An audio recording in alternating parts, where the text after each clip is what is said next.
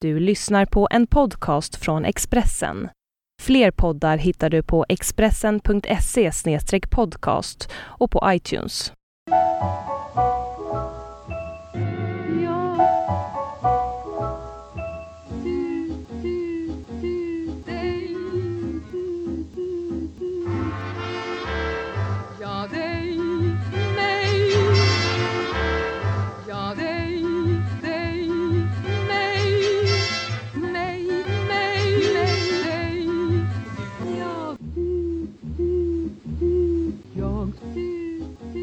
Ligga med Brodrej.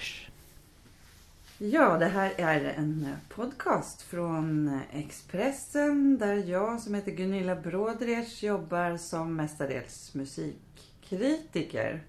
Men eh, idag ligger jag här på en skön säng bredvid Monica Dominic.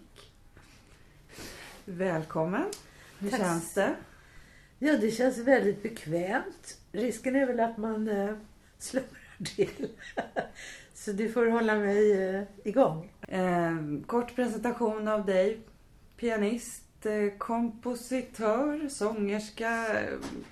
Nu nämnde du inte skådespelare, det brukar de göra annars. Och det är det som, eh, ja, det är det som folk ibland tror att jag är. Jag vill ju vara musiker i första hand. Ja. som har ägnat mig lite grann åt skådespeleri också. På 60-70-talet när, när vi var unga och började, då var det ju väldigt mycket andra konstarter inblandade hela tiden. Eh, vi har ju jobbat mycket som teatermusiker till exempel och träffat mycket skådespelare och, och, och ja, film, och gjort filmmusik och alltså jag, då var det ju vanligt att man använde sitt eh, musikkunnande inte bara i en smal liten sektor som att spela i ett storband eller eh, eh, spela fiol i en orkester. Eller, utan utan då, då medverkade man alltså i olika sammanhang. I tv-program och i film, teater och så vidare. Så högt och lågt liksom. Att det... Precis! Mm. Absolut. Mm. Och där har du, så har det förblivit för dig, har det det? Eller har det snävats, tycker du att det har snävats åt över tid? Nu har du ju varit igång eh, sedan 60-talet. Har det där liksom förändrats? Att du... Jag tycker snarare kanske att det har breddats lite. Okej. Okej. Alltså för att eh, när jag gick på, på Akis eller på Musikhögskolan då. Så då var det ju eh, ingen undervisning i jazz och så. Jazzen hade jag ju med mig från början. Det var mitt intresse från början. Sen har jag ju, när man studerade piano, när man började ta pianolektioner, då var det ju bara den klassiska repertoaren som gällde. Och det gällde ju också hela tiden man studerade på Musikhögskolan. Mm. Eh, så jag har en pianopedagogexamen också eh, där man ytterligare utvecklade det här med det klassiska pianospelet. Men, eh, Men du, du, du ville egentligen hålla på med någonting annat, men då var det det klassiska som Det var, klass- det var idealet på det var Musikhögskolan. idealet och det utbildade ju också mig pianistiskt på det viset. Jag spelade ju du vet, spelade alla Bach-inventioner och Chopin-etyder och, och Debussy och Ravel och, och eh, liksom... Eh, man fick ju en otrolig eh, eh, duvning när det gäller pianospel. Jag hade Greta Eriksson i piano. Oj då. Hon Så det var ju en lycka. hon är legendarisk Ja, pianopedagog och konsertpianist för den delen Absolut. Och också. hon var ju urbra. Hur Men- var hon det? Var, hur, alltså var hon bra? Hon Var, var jättebra. Jag älskade henne. Jag älskar fortfarande henne. Hon lever fortfarande. oj, men hon måste ju vara nästan hundra år. Ja, hon är i alla fall en bra bit över 90. Ja, eh, men eh. då, då hade man, alltså jag var ju tvungen att, att försörja mig genom att spela på kvällarna. Och då spelade man ju jazzmusik i olika band och man satt på Hamburg Börs och spelade underhållningsmusik på söndag eftermiddagarna och gamla Hamburg Börs alltså. Mm. Och eh, det fick man ju egentligen inte göra. Man fick inte spela. Man fick inte Nej. det för att det skulle förstöra. Ja, precis. Ja. Men eh, jag hade inget annat val utan eh, så var det bara. Och, och sen så tänkte jag mig in i hur skulle det bli om jag skulle bli en sån här konsertpianist som skulle ensam föra runt i världen och, och spela. Alltså det tilltalade inte mig alls. Jag, jag ville mycket hellre eh, spela tillsammans med folk. Och det gjorde jag också redan när jag gick på Musikhögskolan. Jag, jag kompade en massa människor, sångerskor och klarinettister och eh, violinister. Ja, Ja. Ja, och cellister. Bara för jag tyckte det var så kul att spela ihop med folk. Det är ju... Alltså, hur känns det att ligga här ensam så att säga? Eh, Du, du är väldigt mycket förknippad med eh, en annan person eh, Ja. genom åren. Från Precis. Karl-Axel, din man, Ja, eh, Må, de olika Monikorna som du har jobbat med och nu ja. din bror Palle Danielsson på skivan som heter Togetherness. Det är verkligen du att vara ihop med någon. ja, det är det. Men när i ditt liv har du varit då, då ensam? Eller eh, har du gjort någonting ensam överhuvudtaget? Jag har ju gjort lite sådana där, jag gjorde något radioprogram sådär alldeles ensam. Jag har ju, eh, men det är klart, tv-programmen, jag, jag hade ju också sådana här barnprogram i tv där jag, där jag sjöng med barnen. När jag spelade de här gamla barnvisorna, Alice Tegnér och de här underbara. Ja, Med, med barn som stod omkring och, och sjöng. Och, Ja. eh, Då var jag ju programledare, men jag hade ju naturligtvis barnen omkring mig då. Så att då var jag väl heller inte sådär väldigt ensam. Nej, jag har, jag har nog inte gjort så väldigt mycket. Det, det ensammaste jag är, det, Ja. det är när jag sitter och skriver. Just nu sitter jag och skriver ett storbandsverk. Beställningsverk för Bohus Big Band. Och det är ju väldigt ensamt, för det måste du göra själv. Det kan ingen hjälpa till med. Nej. Utan där är man ensamvargen verkligen. Hur, hur känns det då? Hur, hur är det arbetet? Ja, men det, det är utmanande det, och det är lite läskigt. Man känner sig så utlämnad verkligen. Och, eh, och det är upp till mig att hitta på allting och det är upp till mig att, att, att avgöra vilken utav de här 50 idéerna som är bäst som jag ska eh, hugga tag i och utveckla. Och eh, ja, ibland frågar jag faktiskt Galaxy till råds. Låter det här kul? Ja, säger han. Och då blir man, Ja. ja, då orkar man liksom, ja, men då var jag på rätt spår och då var det kanske kul det där då. Mm. Men annars har det, var, har det varit, förutom komponerandet som ändå också är det är en stor del av ditt liv, eh, så, så har du varit en eh, parhäst. Du har så att säga spelat, spelat fyrhändigt eh, Ja, med med någon genom åren. Ja, det är ju Karl-Axel och jag som har verkligen... Och det har vi ju gjort mer och mer. Det var därför jag sa att jag har breddat mig ännu mer. För nu har jag kommit tillbaka till den klassiska eh, repertoaren mera. Vi, ja, vi spelade ju till exempel eh, Stravinskys Våroffer här med dansare från eh, Kungliga Operan eh, på Dansmuseet. Det var något år sedan, eller Ja, det var ett par år något sedan. Och, sen, och då kom... eh, Och det var i samband med den här utställningen, Nischinski-utställningen. Mm, mm. Alltså han koreografen.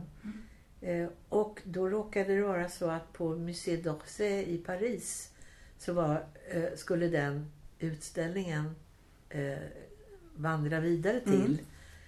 Och då var chefen för Mu- Musée d'Orsay här uppe i Stockholm och hörde oss spela det och ville att vi skulle komma dit. Så vi spelade fem föreställningar i Paris. Med Fantastiskt. Men då kan man säga att du, att du på sätt och vis lite grann har försonats med den där klass, din klassiska ådra som Ja, du kanske ja. revolterade mot där på Ja, Ackis lite grann. precis. Bara för att jag skrämdes av den där ensamheten som jag skulle vara dömd till på något vis. Ja, När ja. jag skulle resa runt. Men, eh, eh, men med Karl-Axel blir det ju, då är man ju inte ensam. Då. Nej. Och vi spelar fyrhändigt, det vill säga vi spelar samma klaviatur. Oj, Så vi har inte två flyglar. nej. Och det var precis så Stravinsky själv spelade sin Våroffer innan han orkestrerade den. Vet du vem han spelade den tillsammans med? Oh, det borde jag veta för det har jag läst någon gång men det har jag glömt. Claude Debussy. Ah, gud ja. Vad häftigt att tänka Ah. sig Ja, att man sitter och jag brukar tänka, jag undrar vilken part som jag spelar. Är det Claude Debussys eller är det Igor Stravinskys? Ja. Nej, det, får, det får du aldrig veta va? Det får jag aldrig veta. Ni har en så fin Debussy, ett så fint Debussy-stycke med på din och din bror Palle Danielssons nya platta. Ja, Claire de Lune. Så. ja, det tyckte vi var så roligt. Och, Där har ni liksom förvandlat den lite grann, lite försiktigt till, till Ja. jazz då. ja, precis. Ja. Lite varsamt sådär. Ja. Det som redan ligger i själva urkompositionen har vi bara lyft upp lite, lite extra. Men Ja. ja, det kändes... En annan av dina parhästar då. då. Men vi, nu kastar vi oss hit och dit i Ja, kronologin. Det blir så när man ligger så här och pratar och tittar i taket. Och det får Ja. på något vis lyssnarna köpa. Men jag vill kasta mig tillbaka längs down memory lane lite grann. Ja. För att jag kan inte låta bli att fråga lite grann om alla som du har jobbat med. Så man kan bara, det är som en eh, hel kavalkad av svensk underhållningshistoria med Ja, Ja, kan du bara säga några liksom? Bara spotta ur dig alla gamla Ja. godingar på en lång rad. ja, alltså... Eh, på 60-talet, det var ju då jag träffade Monica Zetterlund första gången. Jag, jag hörde henne i Visby då hon sjöng där och jag blev otroligt imponerad av hennes, hennes framträdande, hennes eh, sätt att sjunga och, och tilltalade mig så otroligt. Så jag gick bakom och hälsade på henne och, eh, och det var första gången vi sågs men sen kommer vi att träffas många gånger under 60-talet. eh, Då vi till exempel eh, 1964 gjorde eh, musikalen Utsålt som Ja. Allan Edwall och Björn Gustafsson skrev. Björn Gustafsson, den äldre kanske man ska Ja. säga. Eh, och Monica Nilsen och Monica Zetterlund eh, tillsammans med dem eh, var ju med på scenen då. Och jag, eh, Kalaxis skrev all musiken och jag spelade, spelade orgel och piano till då. Det var på Scalateatern och det var 1964. Eh, och sen blev det så att Monica och jag kom varandra väldigt nära och så skulle Monica sjunga med i radiojazzgruppen och eh, frågade om jag ville skriva arren till, till det. Mm.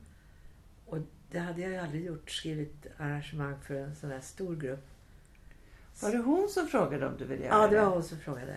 Så hon, ja, hon styrde upp det där lite Hon grann. styrde upp det hela. Hon var ju så, Monica. Hon, hon, eh, hon var ju väldigt så här... Hon hade ett rättspatos som, som få. Hon orkade ju liksom inte vara kvar i, i USA när hon åkte dit på 50-talet och, eh, och skulle sjunga med, med färgade musiker där. Ja. Och Då de- tyckte folk att hon var jättevulgär som eh, ville beblanda sig med svarta musiker. Och hon stod inte ut med den där Rasismen. rasismen helt enkelt. Så hon lämnade ju staterna där. var det och- det som var den tyngsta anledningen tror du? Ja, det var det. det var det. Det var det. Hon, och, och hon orkade inte med sånt där. Hon, och alltid när man var med henne så där då, när man bodde över på hotell och så där, när vi åkte med, med Trio till exempel. Vi var ute, Rune Karlsson och Red Mitchell och jag spelade. Och du vet, eh, och då var det så där när jag kom till hotell, då var det tjusiga rummet, tjusiga sviten till Monica och så var det lite sämre. Och du vet, det där irriterade henne så där enormt va. Så hon sa, nej då ska jag ha ett likadant rum som de har. Eller, eller nu, då får ni komma in och sova här hos mig. Eller, du vet, det var alltid så där. Hon var alltid, det skulle vara... Hon var mycket noga med sånt alltså. Ja. Och, och nu då när, när, de föreslog, när hon föreslog mig, då, jaha, då var det ju lite tveksamma röster. Det var ju ingen som kände till mig. Så Nej. som... Och det var ju I de där storbandssammanhangen Nej, precis. liksom. Och det var ju förståeligt. Och sen så skrev jag tre storbandsarrangemang för Monica. Och, eh, och då frågade de ett par i radiojazzgruppen där, eller radiobandet. Hade du skrivit de där arren själv eller har Kalle Axel hjälpt dig? Tappade du fattningen då eller? Kunde du, Jag tror inte att jag du- svarade någonting. Nej. Eller också så sa jag bara sådär lite snällt och vänligt. Nej du, jag har faktiskt gjort det själv. Du sa att du och Monica fann varandra. Vad var det liksom ni uppskattade hos varandra? Förutom om du gillade hennes så här eh, rättspas, så här rättvisetänket. Nej men det var ju musikaliskt också förstås. Det, Ja. var ju det, det, det var ju det från början. Det var ju det som var grunden kan man ju säga. Ja. För att eh, då, eh, då åkte vi till Staterna. Och, då, och Monica kom dit och vi träffades där och, och ja, träffade gemensamma vänner till Monica. Och, Mm. och, eh, och sen när jag kom hem från, från Staterna där, då ringde Lasse Bagge i, precis före jul 66 och frågade om jag skulle vilja hoppa in för Pia Lang i Gelsenpals. Ah. Och det var ju sådana här svindlande erbjudande verkligen. Ja. Det var, vi ska, man ska berätta lite grann vilka de var Ja. eh, faktiskt. Då var ju lyssnare. Gelsenpals en sånggrupp som också hade varit med under tidiga delen här nu utav eh, 60-talet. Där till exempel eh, Gröna Hund gjordes på Gröna Lund. Och där var ju alltså både Monica Zetterlund och Gelsenpals med. Och de jobbar med Hasse och Tage. Ja, då var det Hasse och Tage som Ja. gällde då. Och det var ju sådär, det smög igång. Det var ju ingen som visste vem Hasse och Tage var heller då. Utan det var en skådis som hette Maud Adelsson som, som pratade med oss och sa ni måste gå på Grönan på teatern där och, och titta på, på den här föreställningen. Den är så vansinnigt rolig. Och så gjorde vi det och då fick man ju höra ja, Hasse och Tage, Monica Z och Alsen Pers. Och vi var ju helt knäckta så bra var det. Ja. Och eh, Gelsen Pals, det var alltså Lasse Bagge som hade initierat den gruppen. Och det var alltså Lasse Bagge, Svante Turesson och från början Gillis Broman. Mm. Mm. Eh, Kerstin Bagge, Pia Lang och Ulla Hallin. Mm. Och eh, Pia Lang eh, var inte glad i att stå på scen. Hon var, eh, hon var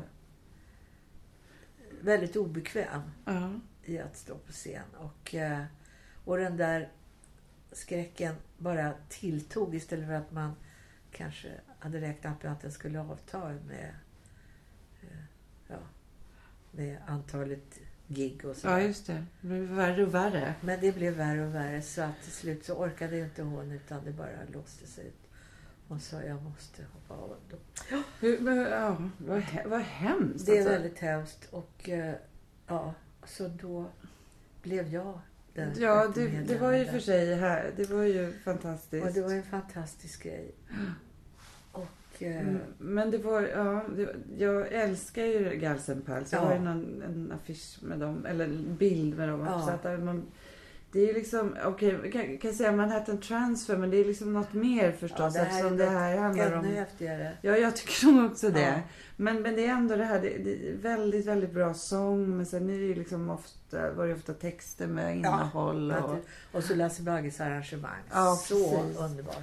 Men- det blir ju en sån tragedi där också som du Ja. berättade om i, i Ja. Stjärnorna på slottet. eh. Ja, precis. Det var ju så att eh, eh, Gillis Broman, alltså som var en av killarna där, han, eh, han skulle fortsätta att plugga på tekniskt. Han skulle bli ingenjör och, eh, och tyckte då efter ett tag att nu måste jag fullfölja det här. Och så ersattes han utav Beppo Gräsman. Och då blev alltså Beppo och Ulla ett par. Var kom han ifrån då? Hade Han kom ifrån tidigare? Producentsidan tror jag. Han, han, han hade, och han var basist och han var... Nej, vad var han? Ja, han var musiker och, och i alla fall eh, producent och liksom och var med i, i svängen på, ja, på, på något sätt. Ja. Och han, och så just det, Ulla Och sen- och var ju Sen väldigt... blev han medlem också i Gelsen Pers. då. Ja, ja, och det då var vi två nya då i den gamla gruppen så att säga. Men du, det finns ju ett klipp faktiskt på Youtube ifrån Mm. när, när Pals sjunger den här, vad är den heter? Operabaren. Va? På Operabaren. Nej, sitter, nej, sitter, det, var, det var ett bidrag till Montreux det året.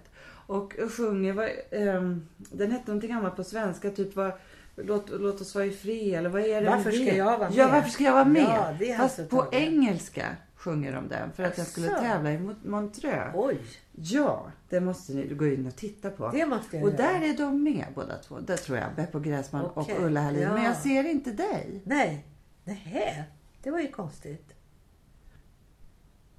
Hur som helst. Eh, där är de i alla fall. Ja. De två. Och vad hände sen? Ja, det var ju så att Beppo var ju eh, bipolär. Mm. Alltså som man sa, alltså man, vad hette det förr i tiden?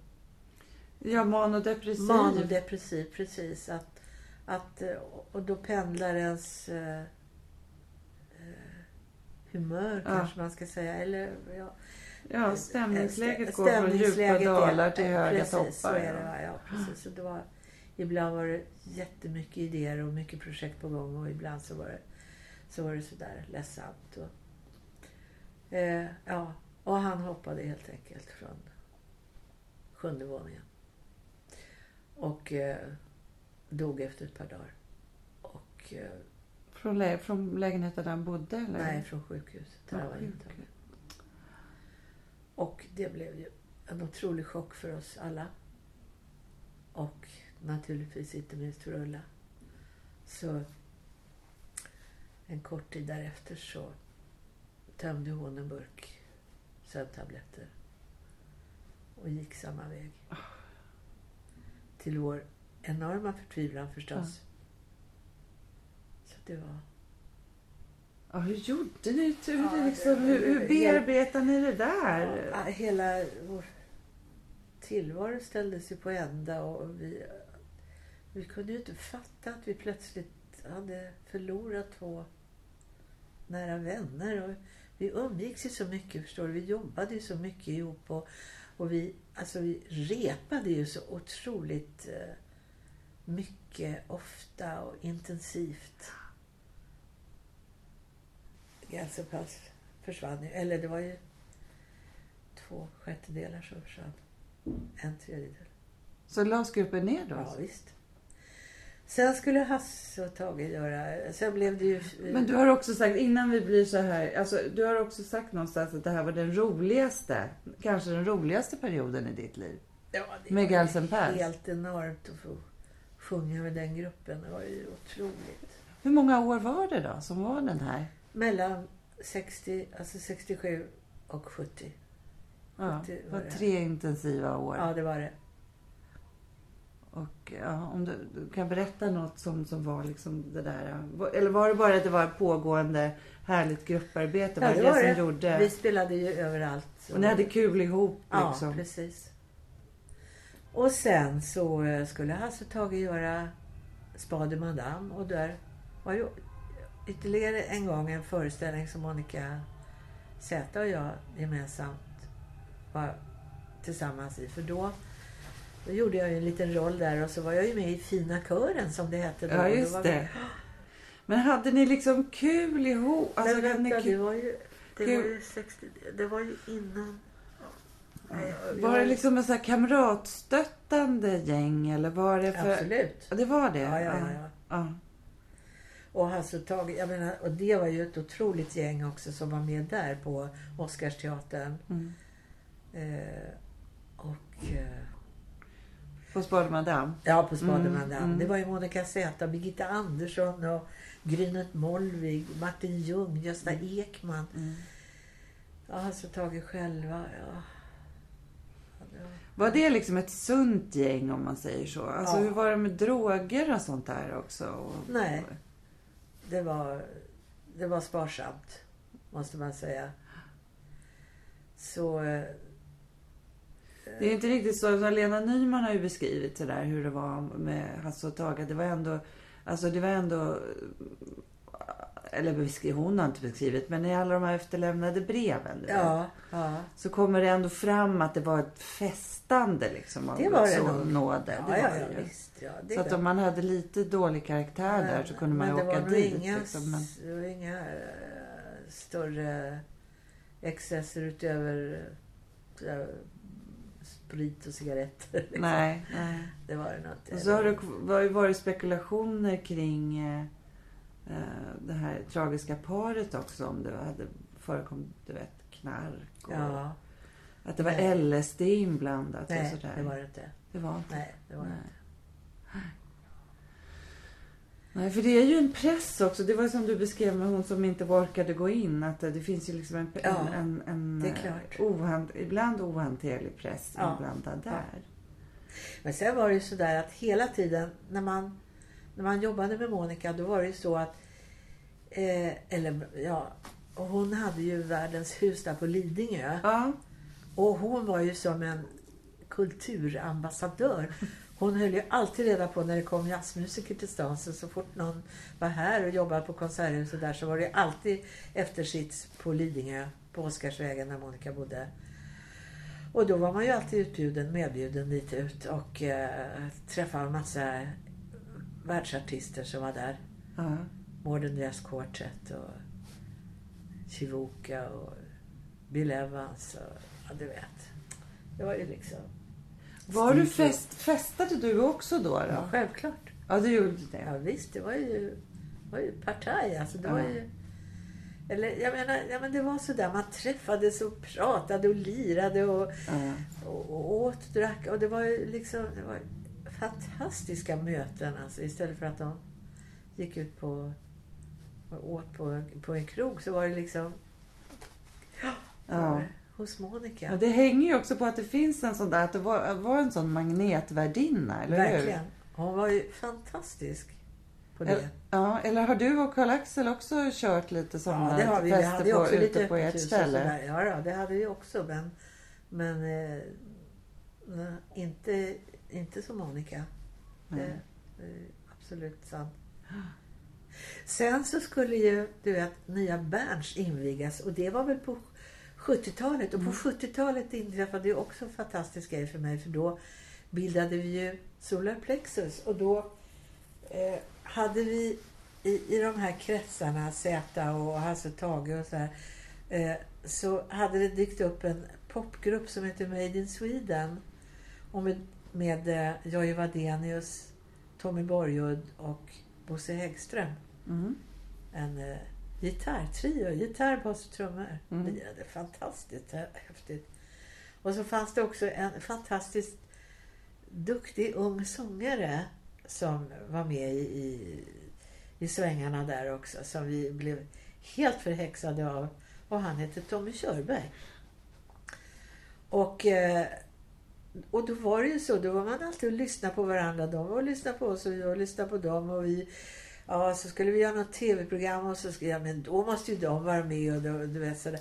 då var det ju så att då fick ju artisterna själva välja sina medspelare och motspelare. Det var inga liksom eh, producenter som eh, skulle bestämma allting eller som har sina, utan producenterna eh, raggade upp eh, folk Ja. som de gillade. Som hade bra nätverk. Som hade bra, precis va. Och sen fick man själv bestämma vilka man skulle ha med. Och sen är det klart, så var det ju lite regissörer och sånt där inblandade. Men i stort sett så var det ju initiativet kom ju från artisterna själva. Ja. Och Så då det blev inte inte idag. produktionerna så himla strömlinjeformade Nej, heller. precis. Då blev det inte format som det är idag. Och alla ska hålla på och styra och ställa på sitt ja, Ja. lite fördumstiga sätt som det är idag faktiskt. Ja. Utan då var det öppet på ett helt annat Ja, sätt. ja.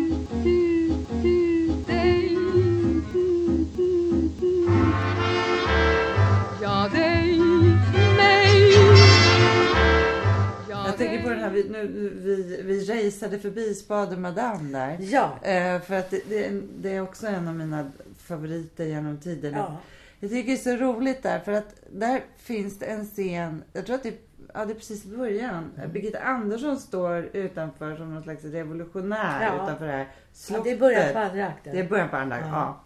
Och liksom, och bara glädjen av att pro- få protestera. Ja, liksom. så bara, det. hon bara ryar mot Ja. allt. Och en sak som hon säger där, det, det, det handlar också om tidsandan vad gäller kulturlivet. Ja. För hon säger typ eh, Skär halsen av Birgit Nilsson, den där, den där gaphalsen. Ja, eller hur? De protesterar mot allt. Och, ja, precis. Och det måste ju... ja, men Jag tänker på det du sa om på Musikhögskolan, vad som var liksom den, normen. Precis. Då var liksom Birgit Nilsson normen. det är så Ja, svårt att ja. tänka sig idag Ja, ja. när det är schlagerfestivalen på något vis som är Ja, normen. precis. Hur ser du på det där? Ja, men alltså allting är ju förflackat. Titta på politiker. Alltså titta på det här programmet Sommar bara till exempel.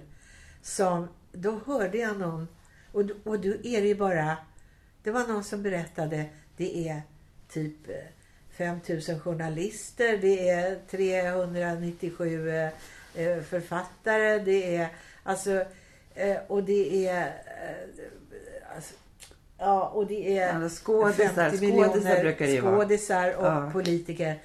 Och, och, och det är ett par konstnärer, inte en enda musiker. Och då är ju för fasen halva programmet är ju musik. Ja, det har du rätt i. Och då blir jag lite störd. Och då var det någon som sa, ja men hur gör du med, vad ska du spela för musik då? Ja det vet jag inte, men det får ju min producent hjälpa mig med. Okej, vad blir det då? Ja men då blir det väl Mona Sahlins favorit. Då blir det Bruce Springsteen och så blir det väl lite... Alltså det blir de där säkra korten.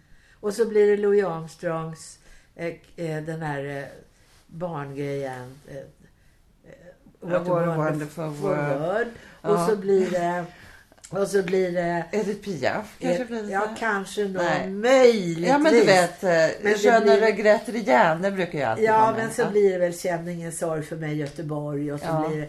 Det blir de här vanliga... Alltså det som, det där säk, de där säkra korten. Mm. Det blir ingen jazz. Det blir ingen... eh, Det blir, eh, tror jag, ingen folkmusik. Inget klassiskt Inget klassiskt. Ingenting. Allt det där är bara utraderat. Politikerna är fullständigt renons. När vi gjorde, eh, när vi gjorde Utsalt till exempel. Vilka satt på premiären? Tage Erlander. Alltså hela jävla ligan satt där. Alla politikerna satt där på första parkett. Vad var de intresserade Vad kom de för då, tror du? Nej men Alltså, vad, vad, eh, Tage han älskade ju Monica Z. Hon var ju hans favoritartist. Eh. Och de andra hade väl kanske inte så men de var inbjudna och de kom. Och det var Gunnar Helén och det var, eh, ja vad heter han? Jag kommer inte ihåg. Eh, vad heter han högerkillen? eh, ja, vad kan det ha varit då? Eh, Helén var väl folkpartist. det var det. Men också var det väl han eh, vänsterpartisten. Den Boman var väl inte på den? Jo, Boman Var det. Gösta Ja, ja. Bohman där? Ja, Gösta Boman var det. jag. Nej, men i alla fall, det kom från, det var inte bara för att ni Nej, kanske var alltså- lite vänstervridna där då så att Nej, säga. tvärt, alla var Utan där. att alla var där. Ja, precis. Och. Quincy Jones var där och såg föreställningen. Och, alltså det var så mycket balla människor Ja, där och ja. kollade. För att då hade folk lite hade folk lite vidgade vyer. Då var det inte bara schlagerfestivalen och... Ja, pu, säger jag. Ja, du var ju för den, för den delen eh, medverkat i Ja, schlagerfestivalen. det har jag. För jag tyckte det var kul att kolla igång. Om man bara måste vara så där strömlinjeformad. Eller Ja.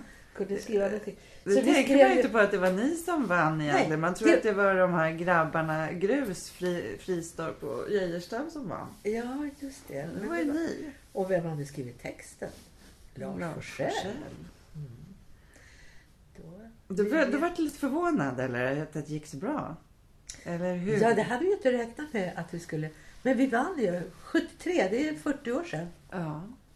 Har du fått frågan sedan dess? Nej. Inte.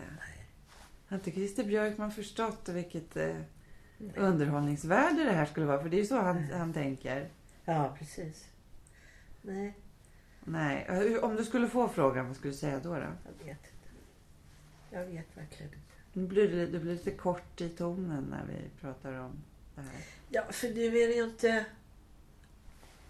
Jag vet inte om folk skulle fatta något. Jag, jag vet inte. Fatta något av vad? Av, av melodin. Nu är det så mycket kring eh, grej. Nu är det ju mer som en... Eh, det är ju ett event på något sätt. Det är Ja. ju så mycket... Det är ju... Ja.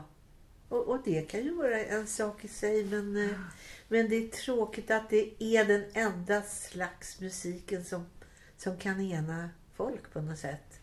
Förut när det var såna där, du vet, eh, hjälpgalor och sånt där. Du vet, hjälpa världen-galor. Mm. Då var det ju väldigt mycket blandad musik. Då var det ju Staffan Scheja som satt och spelade någon klassisk grej. Monica Zeta som sjöng jazz och det var eh, det var eh, spel, Orsa spelmän som spelade och Ja. det var eh, alltså och det var dragspel och det var liksom det var en blandning av eh, Jag tänker på att all, allt det här du har gjort som vi egentligen bara har snuddat vid eh, ändå, för det, det måste bli så i, i det här programmet. Så Ja. det har du ändå också gjort parallellt med att du har en stor familj. ja, tre barn. Tre barn, ja. Och jag har tittat igenom en hel del klipp här inför det här programmet. Det, det ganska mycket från veckopressen och eh, har Ja. mycket bilder på, från er, ja, på er familj och, så, och många frågor om hur ni klarade och, och också så här utropstecken, de klarade och sådär. Då var det ju, jag tror att det var på omslaget och Karl-Axel med ett eh, eh, förkläde i köket, torkandes disk eller diskandes eller vad han gjorde då. Och så stod det Här hjälps vi åt. Du, du, du, Här och så liksom som att det vore världens nyhet här alltså. Här är en kille som hjälper till att diska. Mm. Men, men ni, som sagt, ni, ni eh, presenterade någon slags alternativ livsstil där, eller hur? Absolut, så var det ju eftersom vi hjälptes åt båda två. Eftersom vi hade samma typ av karriär. Och eftersom det var vår överenskommelse att eh, ska vi ha barn då ska vi också ha dem tillsammans. Ja,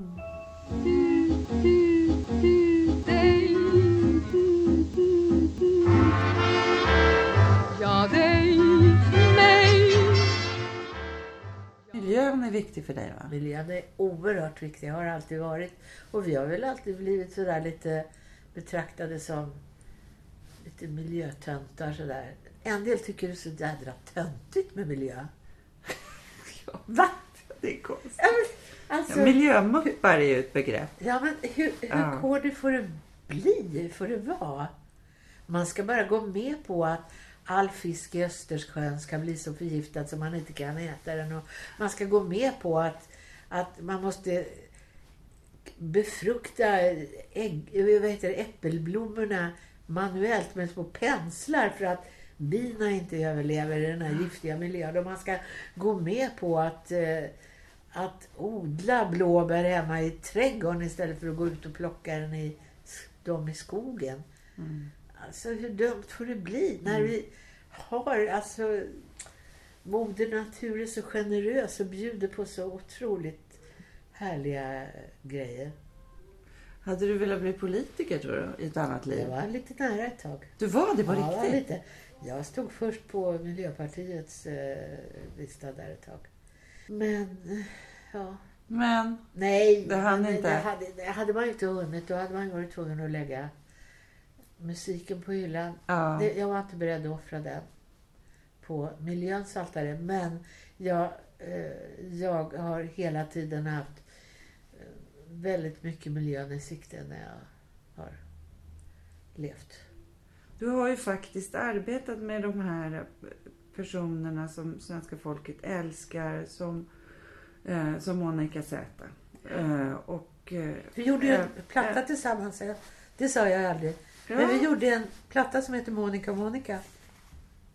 Ja. På i början på 70-talet tror jag det var. Där, ja, det var också hennes förslag är klart. ja.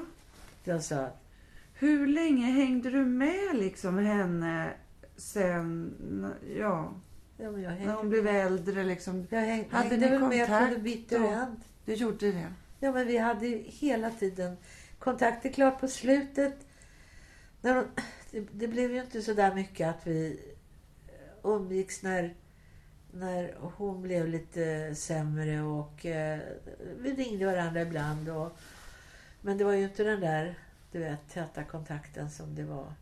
Det blir ju alltid så där också att man umgås väldigt mycket när man jobbar ihop. Mm. För då blir ju det, det är det som är lite jobbigt också i den här branschen. Att, att vännerna växlar efter, efter jobben sådär. Ja, man har liksom utpräglade arbetsrelationer, Ja, väldigt precis. intensiva Så det. arbetsrelationer. Så är det Men sen, ja. helt enkelt. Mm.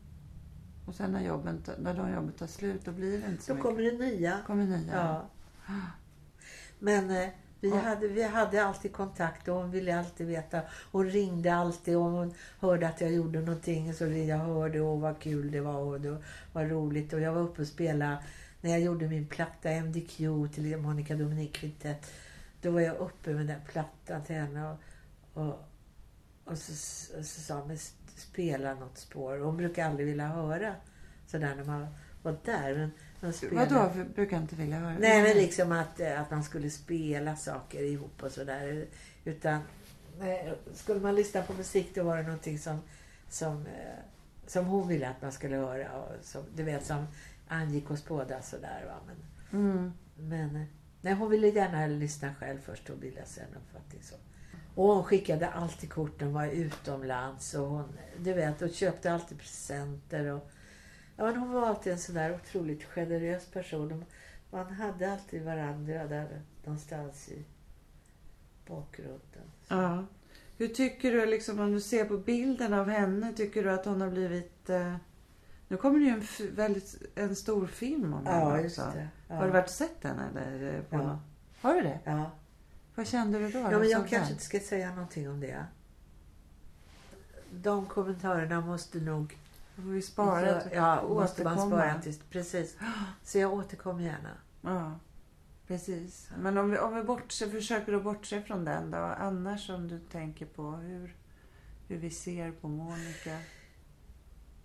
Gör vi det? Eh, ja, alltså... Eh, jag tror att alla har liksom sin bild av Monica på något sätt. Jag tycker att det är extremt fantastiska med Monica, det var ju hennes otroliga mångsidighet. Det var ju att hon var så otroligt folklig. Eh, som hon blev till exempel i samband med Söderkåkar eller Hasse och Tages revyer. Och, och sen är det naturligtvis jazzsångerskan Monica. Och då förknippar man henne med Bill Evans. Och då finns det ju sådana som tycker att ja, när hon sjöng med Bill Evans, det var ju det absolut bästa. Och, och det är klart, det var ju skitbra. Men det som är det absolut största, det är ju att hon samtidigt gjorde så mycket annat vid sidan av som var precis lika starkt och lika fantastiskt. Mm. Så att eh, eh, jag, jag tycker att man ska minnas Monica som den enorma mångfacetterade, varma personlighet hon var. Hon var ju en hon var en så rättfram person också som aldrig hymlade med vad hon tyckte. Mm. hon var så otroligt stor. Hon var ju... Ja. Alltså hon var ju hur stor som helst. Samtidigt var hon ju så genuin som bara helst. Som, som helst. När, när man var hos och hälsade på Sik-Bengt och Greta, hennes föräldrar, i Hagfors, där i deras Mm. lilla stuga. Mm. Men det bara älgarna visar en vägen dit. Eh, där är hon ju den genuina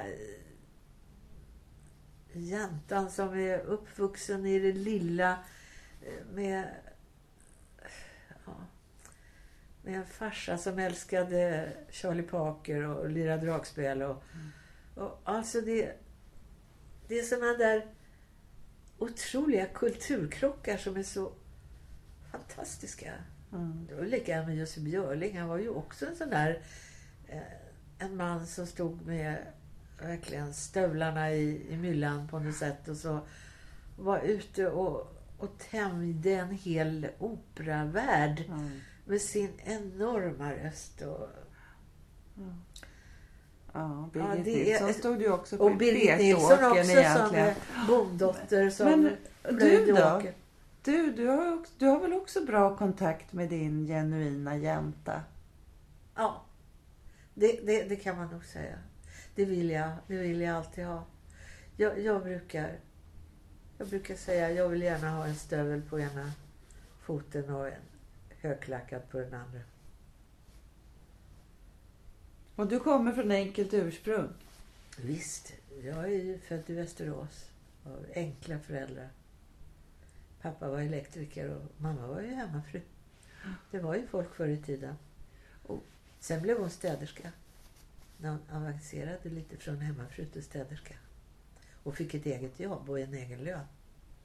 Är det någonting i ditt ursprung som gör att du som du tar med dig och som får dig att reagera eller bli arg? Ja, men det kan ju vara det här att man, eh, att man tappar greppet, man tappar kontakten om man inte... Alltså om man bara är... Ja, om man bara har pluggat i hela sitt liv. Säg att man eh, går ut eh, nian med jättebra betyg och så går man vidare i gymnasiet. Bra betyg och sen så studerar man vidare och tar några poäng och blir någon fil... Eh, kand och mag och vad det nu kan bli. Och sen, och då har man bara liksom i stort sett pluggat i hela sitt liv tills man är runt, vadå, typ 25. Mm. Och, och då har man kanske inte haft, och då är- har man kanske varit i de här stora metropolerna och pluggat. Nu kan man ju plugga på högskolor på andra ställen också men förr så var det ju ändå så att det var knutet till de här storstadsregionerna. Och Uppsala och Lund förstås.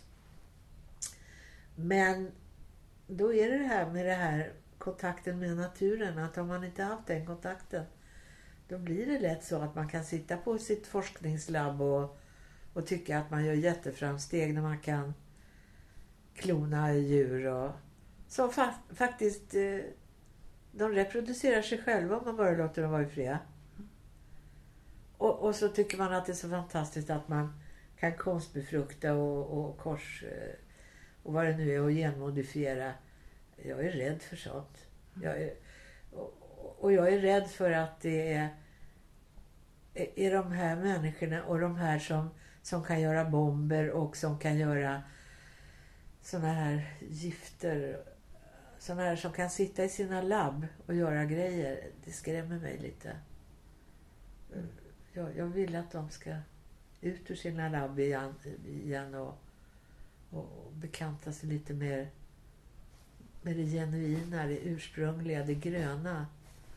Det varma. Inte det vita, sterila, kalla.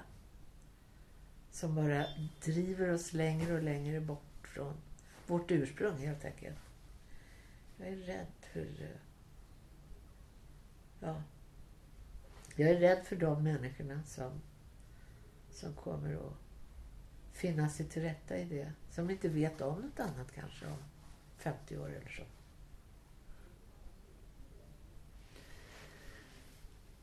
Usch vad Ta- stört. Det vart ju... Men Nej. vi tar med oss den bilden tycker jag. Tycker du det? Ja, gör det. Men, och så kan man säga Måste så här. vi- Eller vill du avsluta med en liten trudelutt? Ja, men må solen få lysa på oss. Och vi fortfarande... Och det kan man ju se ändå. Hoppet är ju när det blir så här lite som det är nu. Juni. Mm. När, eller ska man inte prata tid kanske? Jo, det här ska gå i radion i juni. Ja, men då kan man säga att nu är det juni Mm. och nu är det underbart väder. Och då kan man se hur, hur folk älskar att älskar sitt Stockholm, älskar sin natur, älskar att vara ute, åka ut i skärgården, sitta ute på uteserveringarna i sina städer, göra sina picknickar ute i det gröna. Eh, Solen är balla kulan. Ja, enkelt. helt enkelt. Och månen är kalla bulan. Men ja, solen är balla kulan. Tack ska du ha Monica Dominik för att du vill ligga, ville ligga här bredvid mig eh, en stund. Och eh, jag önskar dig lycka till med eh, den lilla turnén du ska göra väl? Med brorsan? Palle det. Ja, det ska jag. Jag ska spela med honom och det är så väldigt roligt. Och sen så ska jag ju, sen sitter jag och skriver för Bohus Big Band. Mm. Och sen ska vi göra en liten tribut till Hasse och Tage på Berns i Just. september. Icke att förglömma. Så då, Då blir det, då blir det verkligen walk down memory lane på riktigt. precis. Eh, Men det blir ju höst och nu är det sommar. Och så. Nu är det sommar. Ut i naturen och njut av allt som vi får till skänks. Och med det så tar faktiskt den här podden sommarlov. Så att, eh, ska vi sjunga något kanske? Du grönskar det. Okej. Nu grönskar det i dalens famn. Nu doftar äng och liv. Kom med, kom med på vandringsfärd i vårens glada tid. Var dag är som ett gyllene Skål! Skål till bredde fylld med vin. Så drick mitt hjärtig sol och doft, ty dagen den är din. Tack Gunilla! Tack Monica! En lustig tenorstämma eller någonting. Ja, men där. det, är, alla det var en helt rätt. Så ska det vara. Men vi glömde texten båda två. Ja. Det är typiskt. Vi ska inte ta den en gång till. Kul att det, blir så. det blir så där. Det är så. Melodierna sitter men texten försvinner. Ja, gud